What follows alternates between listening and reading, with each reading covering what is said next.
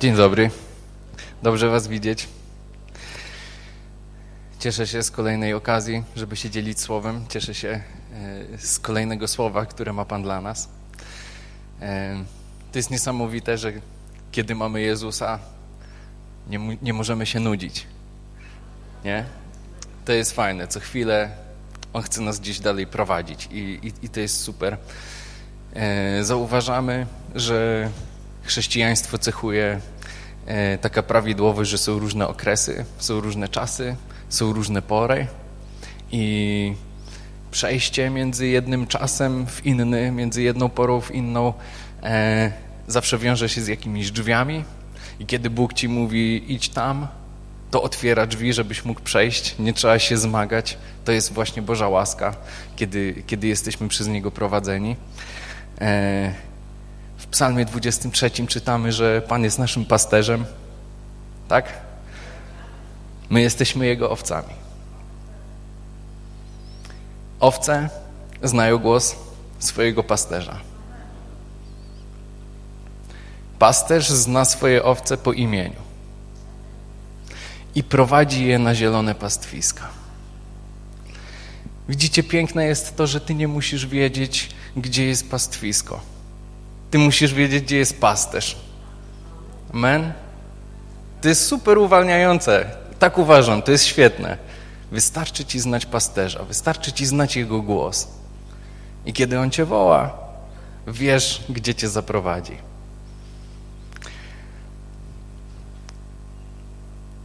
Kiedy Jezus prowadzi swoje owce, robi to przez swoje słowo. Tak? Podążamy za Nim przez wiarę, kiedy słyszymy Jego słowo i podążamy za Nim. Teraz jest fajny okres.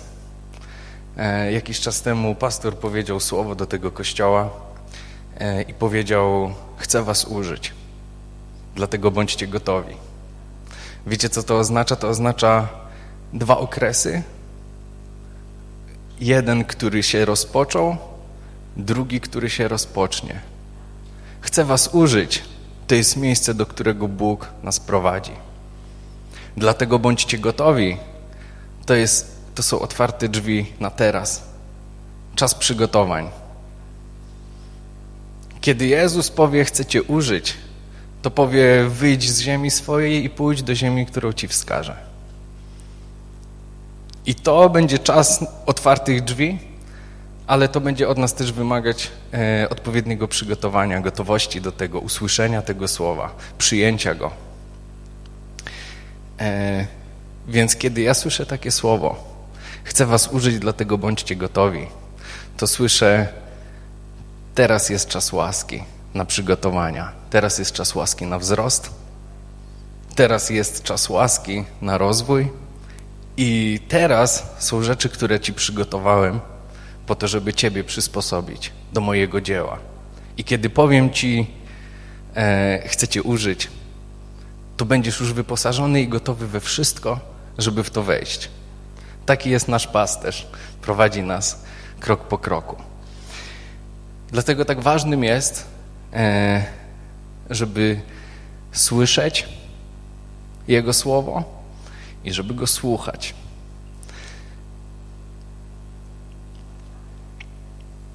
Słowo Jego budzi wiarę. Wiara z kolei jest mocą. Mocą ku wszelkim dobrym rzeczom, wszelkim zmianom. Do zmieniania po prostu siebie, do zmieniania naszego otoczenia, do niepoddawania się presji. Dlatego zaczniemy sobie e, od słowa Ewangelia Mateusza, 13 rozdział, to jest, e, w Biblii mamy takie małe podtytuły, takie małe spoilerki, które nam mówią, o czym zaraz będziemy czytać. I Mateusz, 13 rozdział, e, jest zatytułowany Przypowieść o siewcy. I w trzecim wersecie czytamy: Oto wyszedł siewca, aby siać. I to jest generalnie tyle, co mówi ta przypowieść o siewcy. Reszta jest już o glebach. E, o glebach sobie wspomnimy, natomiast e, skupmy się na siewcy. Wyszedł siewca, aby siać. Jak często zdarza nam się wołać do Boga, Boże, przyjdź do mnie ze swoim słowem. Ten fragment mówi, że siewca wyszedł. Nie musimy go wołać, żeby on w końcu zauważył, że my gdzieś tam jesteśmy i, i coś tam chcemy. On każdego z nas zaplanował, zanim nasi rodzice nas zaplanowali, ok? Zanim się życie poczęło, to on już miał dla niego plan. Więc siewca wyszedł, żeby siać. Kiedy Bóg zaplanował człowieka, każdego z nas, każdego z osobna, zaplanował dla niego powołanie. Zaplanował jakąś drogę, jakieś etapy i jakieś rzeczy, które możemy razem z Nim e, dokonać. To jest piękne. I na tym też nie poprzestał. Oprócz powołania, również wyposażył nas w zestaw darów, które są niezbędne do tego, żeby to powołanie wypełnić. Więc każdy z nas, kiedy został przez Boga zaplanowany, już Bóg miał wszystko gotowe. Już Jego słowo zostało wypowiedziane. Zatem siewca wyszedł, żeby siać.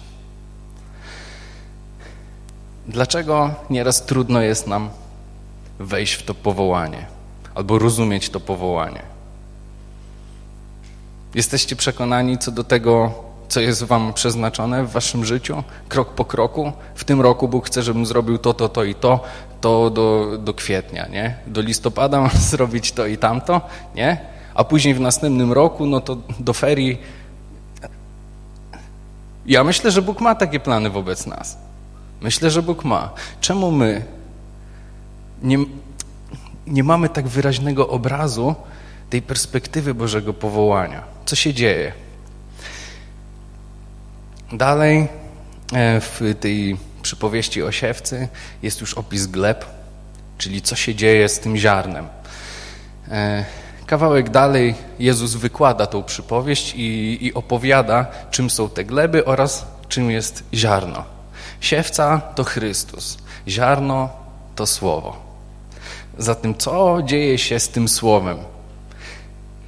Czwarta gleba, ostatnia, tak trochę od końca będziemy sobie o tym rozmawiać. Czwarta gleba, ostatnia to jest ta, gdzie ziemia jest żyzna, gdzie ziarno jest przyjmowane i wydaje plon stokrotny, sześćdziesięciokrotny i trzydziestokrotny.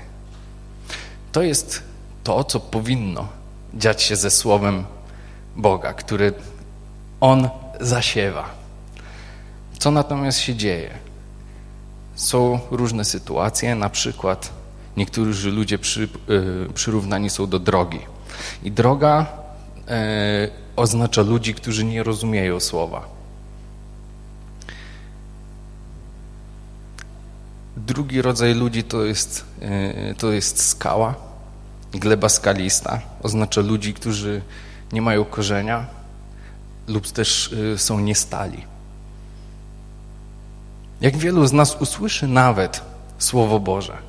Modlimy się wieczorem, mieliśmy super czas z Panem, a następnego dnia od nowa daj mi znowu ziarno. Co się stało z tym poprzednim ziarnem? Nie? Ziarno ma za cel wydać plon. Amen. Jest jeszcze trzeci rodzaj ludzi. Przyrównani są do, do gleby ciernistej, tam gdzie rosną ciernie. Ciernie są symbolem umiłowania świata i ułudy bogactw, cytując Biblię. To jest, yy, to jest właśnie to, kiedy pada jakieś yy, ziarno na ziemię, na której yy, coś rośnie, ta ziemia jest gotowa do tego, żeby coś na niej rosło. Tylko co na niej rośnie? Rosną na niej ciernie. I pada ziarno i ono też jest gotowe wzrastać. Czemu nie?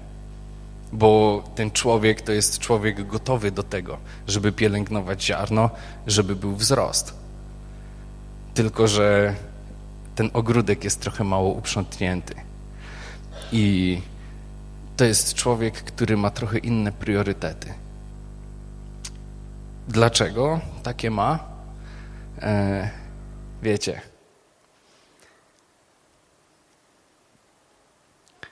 Bo trzeba. trzeba coś jeść, tak? To jest ważne.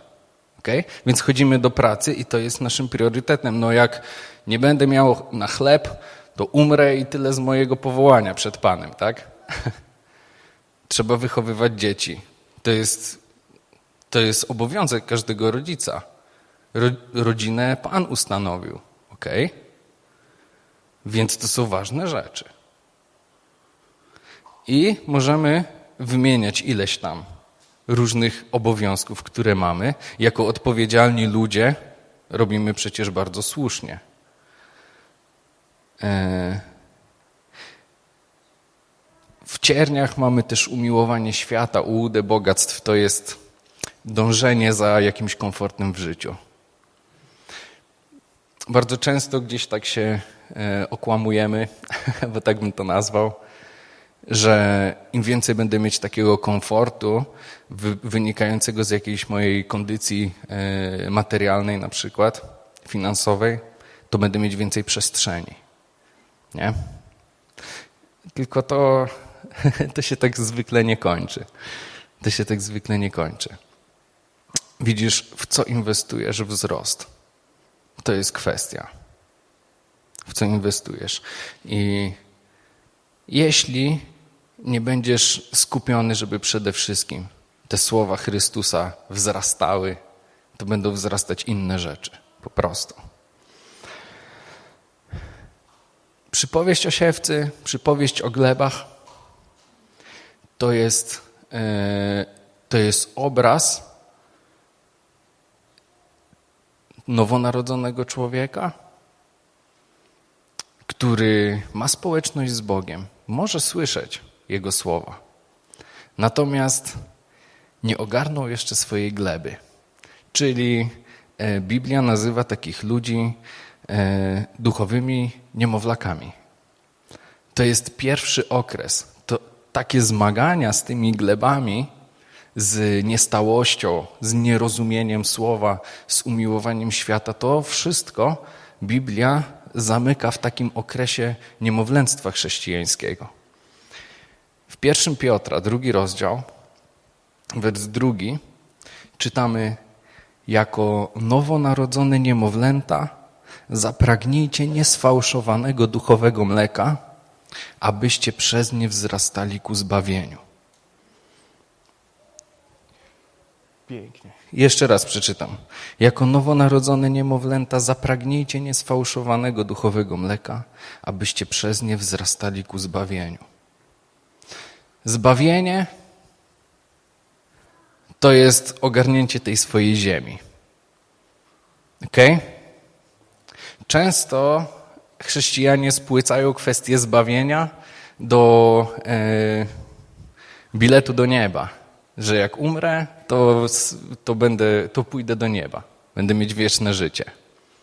Ale zbawienie jest tutaj i teraz.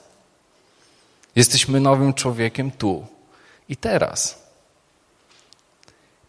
To oznacza, że możemy żyć niebiańskim życiem, będąc na ziemi. To oznacza, że okoliczności ziemi nie powinny mieć żadnej siły powstrzymującej chrześcijan do życia pełnią niebiańskiego życia. Amen? Dlatego, jako nowonarodzone niemowlęta, zapragnijcie niesfałszowanego duchowego mleka, abyście przez nie wzrastali ku zbawieniu. Dobra, teraz muszę wytłumaczyć, czym jest duchowe mleko, żebyśmy sobie rozmawiali e, konkretnie. Przed pierwszym Piotra jest y, list do Hebrajczyków. I piąty rozdział, a otwórzmy sobie. Piąty rozdział Hebrajczyków.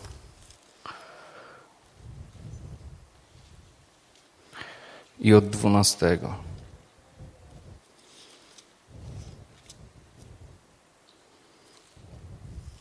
12-14.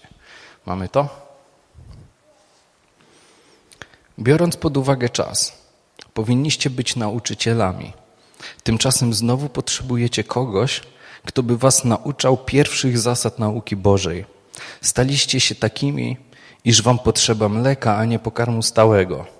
Każdy bowiem, kto się karmi mlekiem, nie pojmuje jeszcze nauki o sprawiedliwości, bo jest niemowlęciem. Pokarm zaś stały jest dla dorosłych, którzy przez długie używanie mają władze poznawcze, wyćwiczone do rozróżniania dobrego i złego. To jest trudny początek. Mam nadzieję, że nie poczujecie się w żaden sposób oskarżeni. Biblia mówi, biorąc pod uwagę czas, powinniście być nauczycielami. No może nie chodzi o to, żeby każdy miał łapać za mikrofon, tak, tak jak ja dzisiaj stoję i, i opowiadam. Słuchajcie, bycie nauczycielem to jest, to jest y, pewna dojrzałość, która oznacza to, że my widzimy, co jest dobre, a co jest złe. I jesteśmy w stanie, widząc te rzeczy, napominać swoich braci i bliskich w miłości. Tych, którzy są chrześcijanami oraz tych, którzy nie są. I to są, to są różne postawy. Na przykład w pracy nie plotkuje, nie obgaduje innych. I jak mnie ktoś zapyta, a co ty taki jesteś aspołeczny? to ja wtedy mogę być, mogę wystąpić w charakterze właśnie nauczyciela i opowiedzieć naukę o sprawiedliwości Bożej. Nie? To nie oznacza, że łapię za mikrofon i, i, i głoszę słowo, ale po prostu żyję w sposób, który jest świadectwem tego, że można e, żyć na tym świecie, e, ale nie być z tego świata. Być z Bożego Królestwa. I troszeczkę innymi zasadami się człowiek wtedy w życiu kieruje. Więc biorąc pod uwagę czas, powinniśmy być nauczycielami, a jednak potrzebujemy dalej podstawowej nauki i mleka. Mleko to są. Yy, mleko jest używane przez chrześcijan do wyćwiczenia tej zdolności do rozróżniania dobrego i złego. To jest podstawa. To jest podstawa. I dlatego mówię, że przypowieść o glebach jest skierowana raczej do tych duchowych niemowlaków, Słuchajcie, to nie jest nic złego być niemowlakiem duchowym. To jest świetna rzecz. Jesteś na nowo narodzony. To, o to chodzi. O to chodzi. Jednak Bóg zaplanował dla każdego z nas wzrost. Okay? Więc y, bilet do nieba nie jest po prostu końcem Bożego planu. Boży plan jest taki, żeby przez życie każdego z nas objawiała się Jego chwała. To znaczy, że mamy przez nasze życie prowadzić do manifestacji Bożej mocy. Przez nasze działanie na tej ziemi, przez wiarę, mają dziać się cuda. Mają mieć miejsce uzdrowienia. Mają mieć miejsce przełomy, wyjścia z nałogów, zmianę kondycji jakiejś takiej materialnej, Czemu nie? Jak i fizycznej, też i materialnej. To wszystko to jest Boże Królestwo. Boże Królestwo to jest wszelka dobroć, a Bóg jest tylko dobry, więc nie jest zanieczyszczona w ogóle egoizmem. Czysta Boża miłość i jej wszelkie objawy, również albo i przede wszystkim po prostu w Bożej mocy, w czymś, co jest poza zdolnościami człowieka. To jest to, co Bóg dla nas przeznaczył. I nie oglądamy Bożej mocy w naszych życiach właśnie dlatego, że jesteśmy jeszcze w tym okresie niemowlęctwa. Ok. Więc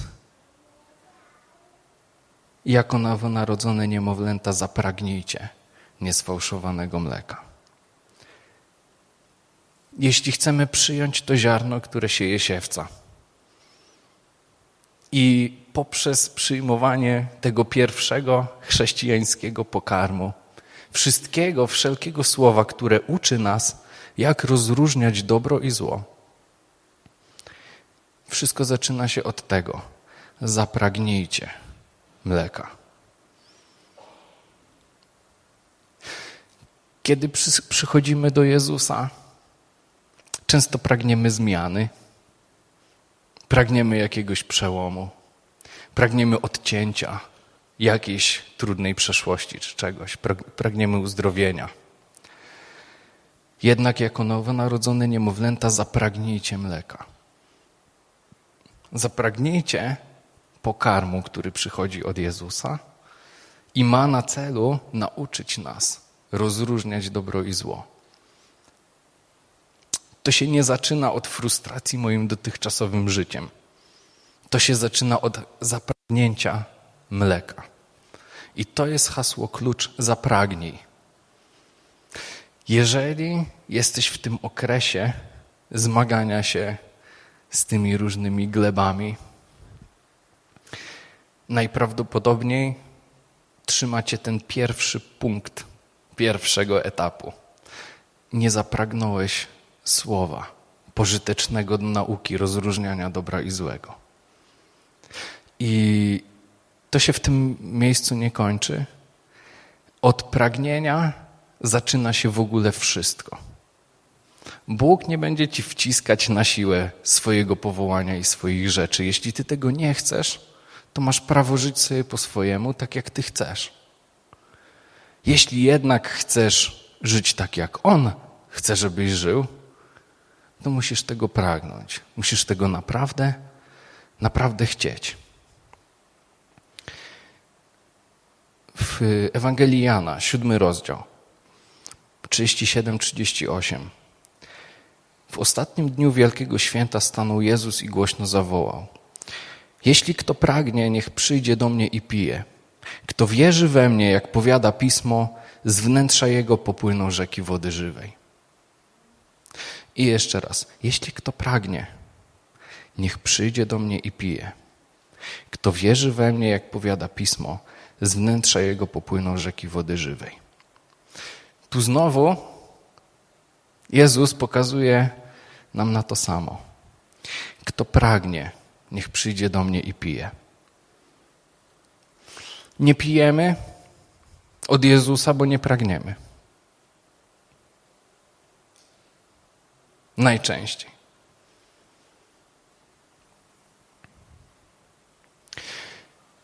I teraz tak, mamy wolną wolę. To znaczy, że Bóg dał nam władzę nad naszą wolą. Wierzycie w to, że my możemy powiedzieć do siebie chcij tego albo nie chcij tamtego? Wiecie, że możemy zdecydować o tym, czego my tak naprawdę pragniemy? Okay. Czasami nas dotychczasowe życie trzyma w jakichś nałogach, w jakichś nawykach. Jesteśmy rozpędzeni trochę w nie, w, nie w tą stronę. I, i, I ta siła bezwładności wymaga pewnego okresu wyhamowania i zmiany kierunku. Ale my mamy tą moc. Bóg, dając nam wolną wolę, dał nam prawo do tego, żeby decydować o tym, czego pragnie nasze serce. Jeśli nasze serce jest cierniste i pochłonięte umiłowaniem świata, czy ułudą bogactw, czyli no, rzeczy powiedzmy doczesnych, bo prawdziwym bogactwem jest to, co jest z nieba, to, co jest w wieczności. Amen. Więc mamy, mamy władzę nad swoim życiem i nad swoim sercem. I możemy zdecydować, że my pragniemy. Czego pragniemy? Wierzymy, że Bóg jest dobry. To pragnienie też się jakoś, jakoś przejawia. Yy Przeczytajmy sobie jeszcze Ewangelię Jana, czwarty rozdział.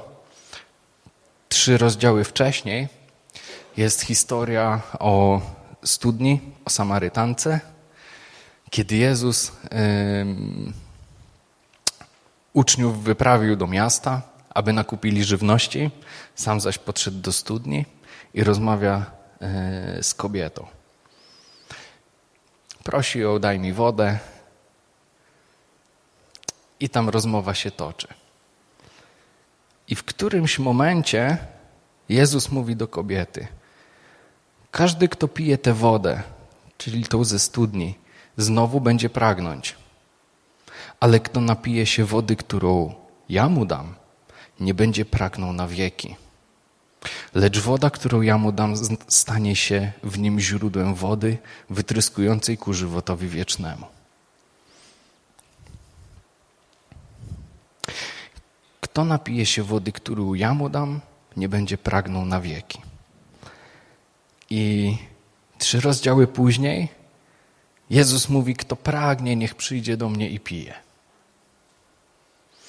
A następnie trzy rozdziały wcześniej mówi: Kto napije się tej wody, którą ja mu dam, nie będzie pragnąć na wieki. Dlaczego jest najpierw e, takie przynaglenie, o zapragnijcie tej wody, którą ja ci, ci dam, a później jak już skosztujesz, to nie będziesz pragnąć. Zobaczysz. E, Bóg zaprasza nas do pewnej podróży. I na początku to, co nas pociąga za Jezusem, za Jego nauką, jest coś zupełnie nowego. Nowe doświadczenie, nowe rzeczy, których jeszcze nie znamy, e, nowe rzeczy, którymi jesteśmy gdzieś podekscytowani, bo wiemy, że one gdzieś tam w Bożym planie istnieją. Wiemy, że On na nas patrzy inaczej. Wiemy, że On nam przeznaczył inne życie niż mamy dotychczas. On nam przeznaczył skupianie się na zupełnie innych rzeczach i, halleluja, oglądanie rzeczy innych niż oglądamy do tej pory. I to jest piękne, to nas przyciąga do Niego. I dlatego na początku zapragnij. Kto pragnie, niech przyjdzie do mnie i pije. Masz tęsknotę za takimi rzeczami. To jest to pragnienie, przyjdź do Jezusa i pij od Niego. Kto się napije tej wody w czwartym rozdziale, nie będzie pragnął na wieki. Dlatego, że ta woda stanie się źródłem wody wytryskującej ku żywotowi wiecznemu. Na początku masz pragnienie doświadczenia innego życia, wiecznego a Bóg przeznaczył ci życie w pełni tego, co dla ciebie przygotował. Na początku ciągnie nas do Jezusa jakiś deficyt, pragnienie jakiejś zmiany, doświadczenia czegoś innego. Ale kiedy już się napijesz tej wody od Jezusa i posmakujesz, jak On jest dobry, Wtedy woda cię ciągnie do wody, a nie brak wody. Amen. To jest super. I dlatego w Psalmie pierwszym, trzeci wers czytamy: Będzie on jak drzewo zasadzone nad strumieniami wód, którego liść nie więdnie, a wszystko, co uczyni, powiedzie się. Widzisz, kiedy przychodzisz do Jezusa i słuchasz Jego słów, Wtedy Jezus oczyszcza Twoją glebę. Jesteś gotowy na ziarno, które w Ciebie zasiewa. I jego ziarno wpada do ziemi żyznej i gotowej na to ziarno i wydaje plon. I widzisz te plony. Widzisz, co to przynosi. Żyjesz Jezusem w swoim życiu. I to powoduje, że chcesz w nim trwać. To powoduje, że nie pragniesz na wieki nie masz tego poczucia braku i tego suszenia, bo czegoś nie masz, ale żyjesz w pełni, zasadzony nad strumieniem wód. I wszystko, co, co, co zrobisz, wszystko, co uczynisz, powiedzie się. Do tego przeznaczył Cię Bóg. Bo widzisz, kiedy trwasz nad potokiem Bożego życia, to On wypłukuje z Ciebie nieboże intencje, doczesne intencje, egoistyczne intencje. Napełnia cię w zamian za to swoim życiem. Napełnia cię miłością, przede wszystkim miłością. Dalej empatią, uzdrowieniem. Nie będziesz pragnąć, nie będziesz mieć braków, bo On cię wypełni wszystkim, co dla ciebie przeznaczył i co dla ciebie zaplanował. To jest Boży plan dla ciebie. To jest Boże powołanie. Możemy iść dalej. 1 Koryntian 14. Wersy 1-4. 1 Koryntian 14, 1, 4. To są słowa świętego Pawła, które on kieruje do Kościoła. I mówi tak: Dążcie do miłości, starajcie się też usilnie o dary duchowe, a najbardziej o to, aby prorokować.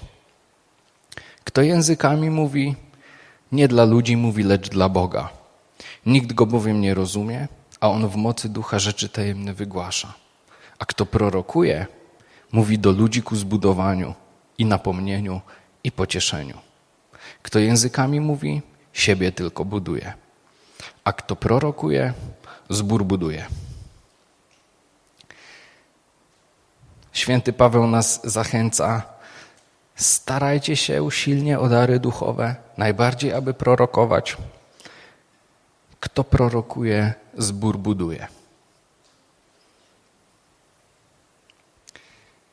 Bóg jest gotów dać nam wszelkie zaopatrzenie do tego, żeby nas zbudować. Ale to znowu nie jest koniec Jego planów wobec nas. To dalej nie jest granica tego, co On nam przeznaczył, żeby nam się dobrze powodziło. Pan chce nas błogosławić bez granic, tak żebyśmy żyli w pełni, bez żadnego niedostatku. Nie tylko po to, żeby nam samym było miło ale po to, żebyśmy budowali innych. Amen. To jest Boża natura. Uczy nas tego, że powinniśmy być sługami. Uczy nas tego, że powinniśmy dzielić się z innymi błogosławieństwem, różnymi rzeczami, które mamy. Ciężko jest to robić, kiedy sami mamy jakieś deficyty. Okej, okay, nigdy nie będziemy doskonali to, to, trzeba, to trzeba sobie powiedzieć. Doskonały jest tylko Bóg. Mm. Natomiast On nas przysposabia i uczy po drodze, jak błogosławić innych, i to jest bez problemu do zrobienia. Kiedy jesteś blisko z Jezusem, możesz wszystkie swoje braki odsunąć od swojego życia. Jezus może to zrobić.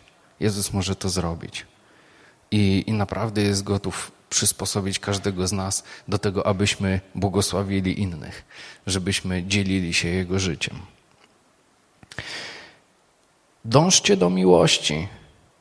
Starajcie się też usilnie o dary duchowe. Najbardziej o to, aby prorokować.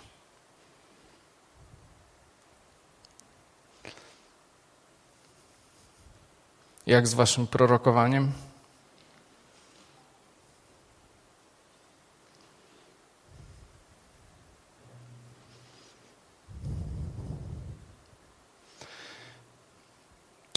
Widzicie to, co przynosi życie? To są dary duchowe ku zbudowaniu innych, ku zbudowaniu zboru. I jeżeli mamy się starać usilnie o dary duchowe, o to, aby prorokować i budować zbór, Bożym przeznaczeniem dla każdego z nas jest to, żebyśmy prorokowali. Każdy z nas. Czy to nie jest piękne?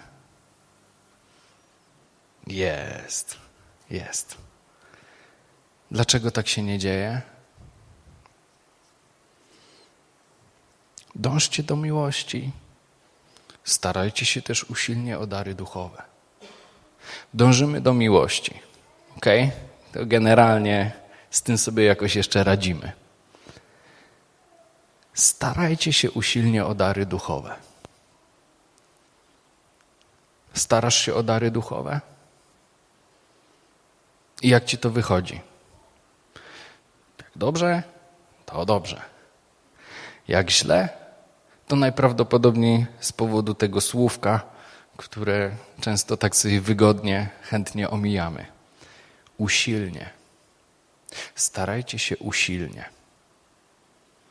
Wiem, to jest trudne, ale, ale to jest klucz do przełomu. To jest klucz do wejścia w nowe rzeczy. Jak wspomniałem we wstępie, Bóg chce nas użyć. Dlatego bądźmy gotowi. Jeżeli nie będziesz się starać usilnie o Boże wyposażenie, tego nie dostaniesz. To jest taka brutalna prawda. Nie spadnie to na ciebie z nieba i nie przygniecie cię i po prostu o, teraz jestem no, pełen Bożej woli, tak pełen, że aż po prostu nie jestem w stanie się ruszyć. Starajcie się usilnie o dary duchowe. Cały czas, w tej całej naszej podróży za Bogiem,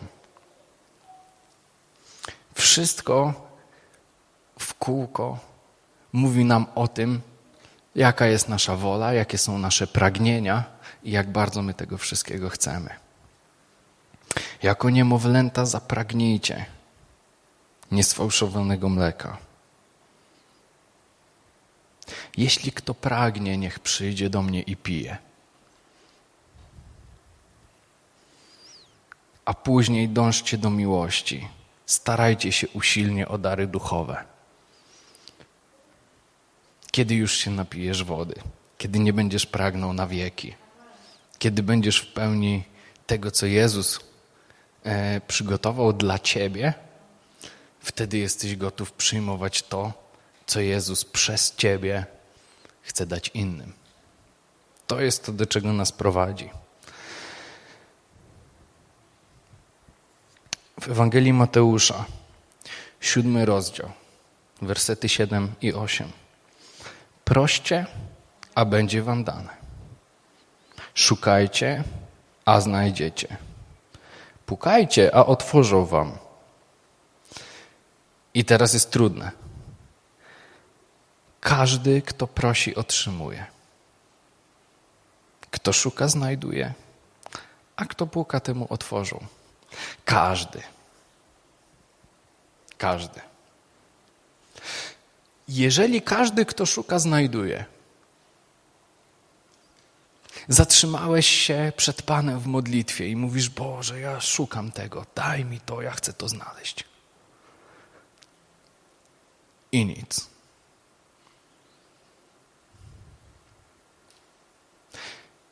Czy Biblia kłamie? Jeśli nie kłamie, to według Biblii wcale nie prosiłeś. U, to jest trudne. To jest trudne. Dlatego starajcie się też usilnie. Skuteczne staranie według Biblii to jest staranie się usilne. To jest zapragnięcie, ale takim czystym, prawdziwym pragnieniem. Nie takim, które jest na jeden wieczór, na godzinkę, jutro już go nie ma. Jeśli ktoś pragnie naprawdę i szuka usilnie, co znaczy szukać usilnie? Jak się to objawia? Czego Twoje życie jest pełne? Czego w Twoim życiu szukasz usilnie? Na czym Ci tak naprawdę zależy?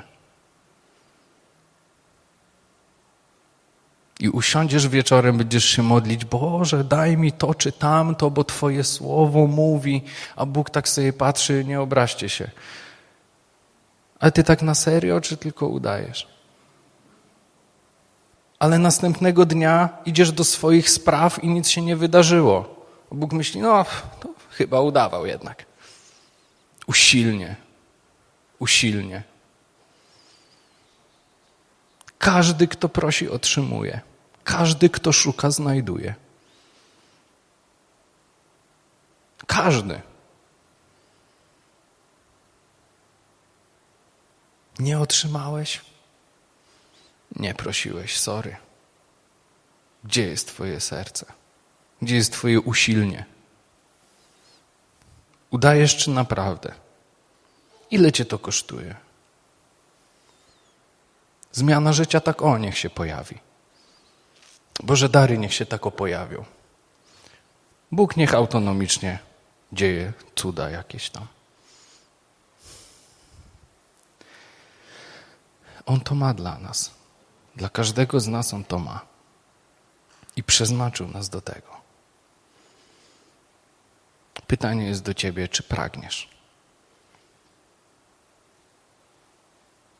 Jeśli pragniesz, to szukaj usilnie.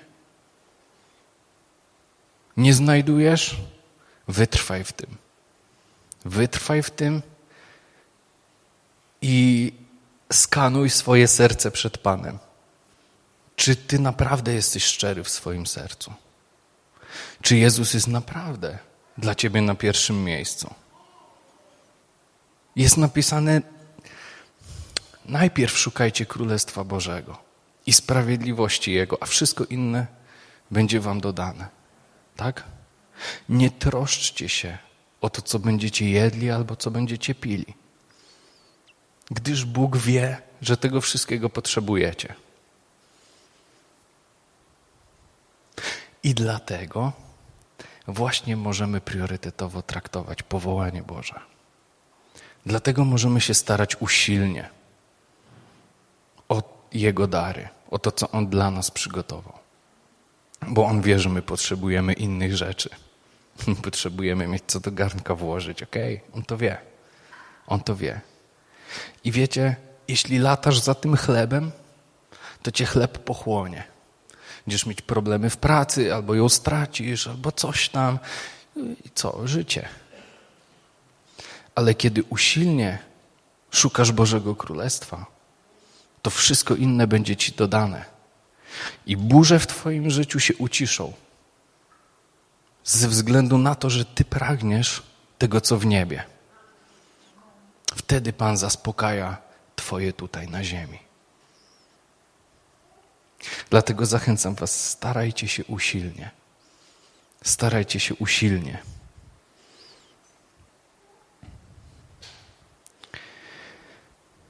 Efezjan czwarty rozdział. 14-16 abyśmy już nie byli dziećmi miotanymi i unoszonymi lada wiatrem nauki przez oszustwo ludzkie, przez podstęp prowadzący na bezdroża błędu, lecz abyśmy będąc szczerymi w miłości, wzrastali pod każdym względem w Niego, który jest głową, w Chrystusa, z którego całe ciało spojone i związane przez wszystkie wzajemnie się zasilające stawy, według zgodnego z przeznaczeniem działania każdego poszczególnego członka, rośnie i buduje siebie samo w miłości. Abyśmy nie byli dziećmi, które potrzebują tego duchowego mleka do rozróżniania dobrego i złego. Kiedy jesteś dzieckiem, jesteś miotany, bo nie wiesz, co jest dobre, a co złe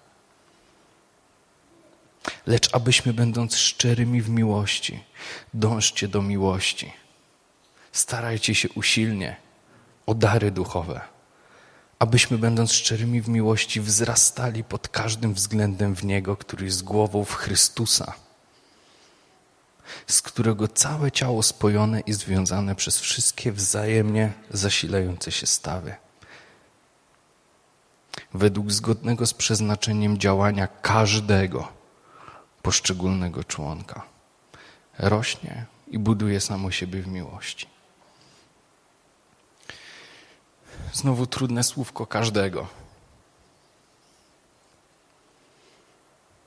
Chrystus jest głową, a wierni, a chrześcijanie to jest ciało Chrystusa. To jesteśmy my.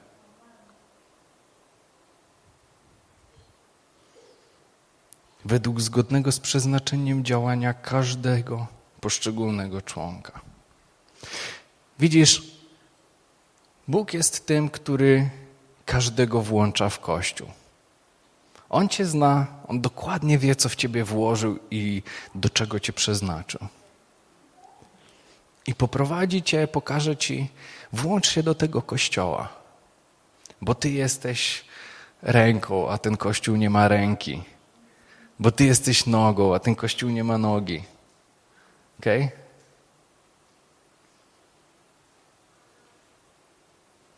I następnie, według zgodnego z przeznaczeniem działania każdego poszczególnego członka, rośnie i buduje samo siebie w miłości.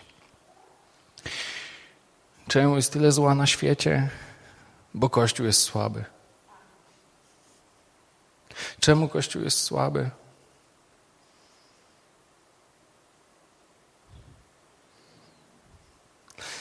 Bo część części ciała Chrystusa, część Kościoła raczej jest zasilana przez inne stawy, ale sama średnio zasila.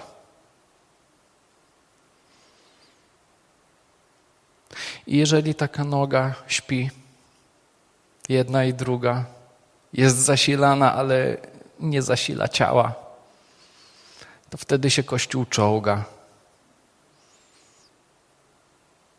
Jak ma wejść w Boże powołanie? Jak ma być świat zmieniony? Jak część Kościoła śpi, całe ciało jest ospałe, całe ciało jest mało skuteczne. Dlaczego? Bo niektórzy nie pragną usilnie. To jest nauka, to jest coś, czego wszyscy się potrzebujemy nauczyć. Nauczysz się pragnąć usilnie jednej rzeczy, to wierz mi, Bóg ci pokaże inną, a teraz zapragnij jeszcze tego. W to wskoczysz, to Bóg ci pokaże, a teraz zapragnij jeszcze czegoś. Okay? Nie czujcie się tam potępieni jakoś bardzo, e, bo wszyscy jesteście tutaj. Zapragnęliście czegoś więcej, zapragnęliście czegoś innego.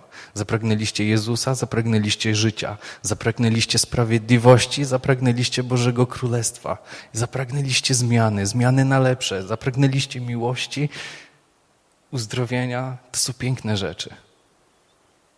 I zachęcam Was dzisiaj, zapragnijcie więcej, bo Bóg ma dla Was więcej. Zapragnijcie. Kiedy zapragniesz, staraj się usilnie o spełnienie Twojego pragnienia. Staraj się usilnie.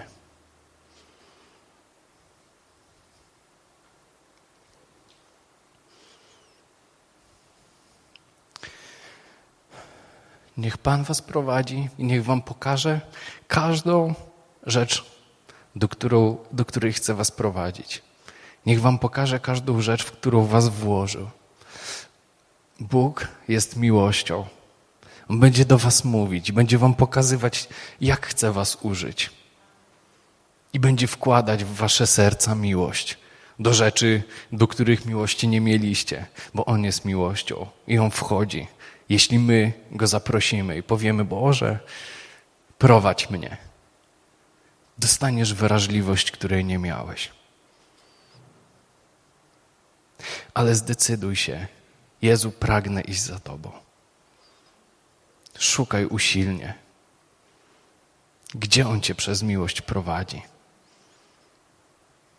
A da Ci wszelkie wyposażenie, jakiego potrzebujesz. I będziesz skutecznym dla Jego Królestwa.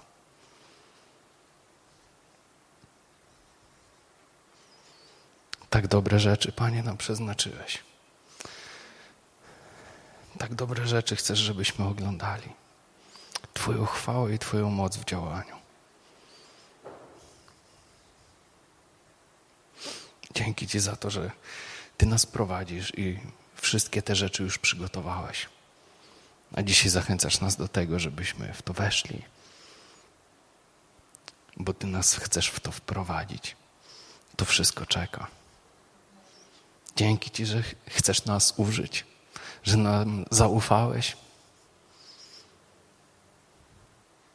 A teraz modlę się, Panie, abyśmy byli gotowi. Abyś wkładał w nasze serca pragnienia. Abyśmy przyjmowali Twoje pragnienie.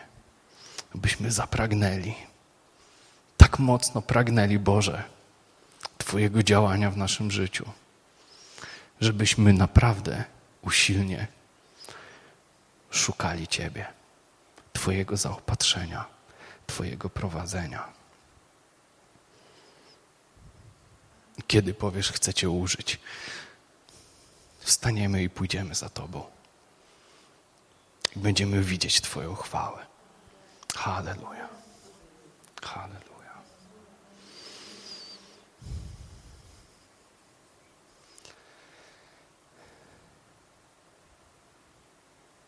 Jeśli ktoś z Was jeszcze się nie narodził na nowo,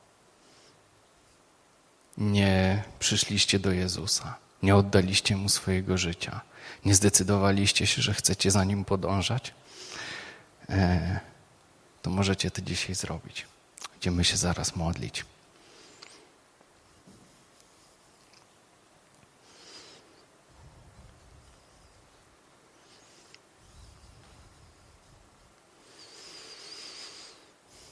Jezus ma plan dla każdego z nas.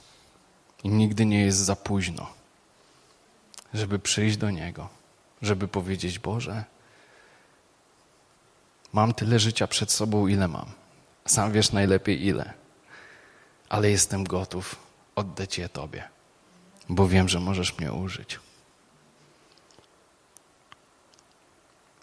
Tak dobre rzeczy Bóg ma dla nas. Jeśli chcecie, jeśli ktokolwiek z Was chce oddać swoje życie Bogu, e, módlcie się za mną. Panie Jezu, dzięki Ci za Twoją ofiarę. Dzięki Ci, że oddałeś swoje życie za mnie. Dziękuję Ci, że zapłaciłeś winę. Zapłaciłeś cenę za moją winę. Dzięki Ci, że oczyściłeś mnie z grzechu i nazwałeś mnie świętym. Że dzięki Tobie mogę przyjść do świętego Boga i mieć, Panie, z Tobą relację. Przyjmuję Twoją ofiarę, bo chcę tej relacji. Oddaję Ci całe moje życie, takim jakie ono teraz jest. Przyjmij mnie, Panie. Chcę się od Ciebie uczyć i za Tobą podążać. Przyjdź, Duchu Święty, i zamieszkaj w moim sercu. Zamieszkaj we mnie. I prowadź mnie tam, dokądkolwiek chcesz mnie posłać tam, gdziekolwiek chcesz mnie użyć. Będę Twoim na wieki. Amen. Amen. Dzięki, kochani. Zapraszam zespół, chodźcie.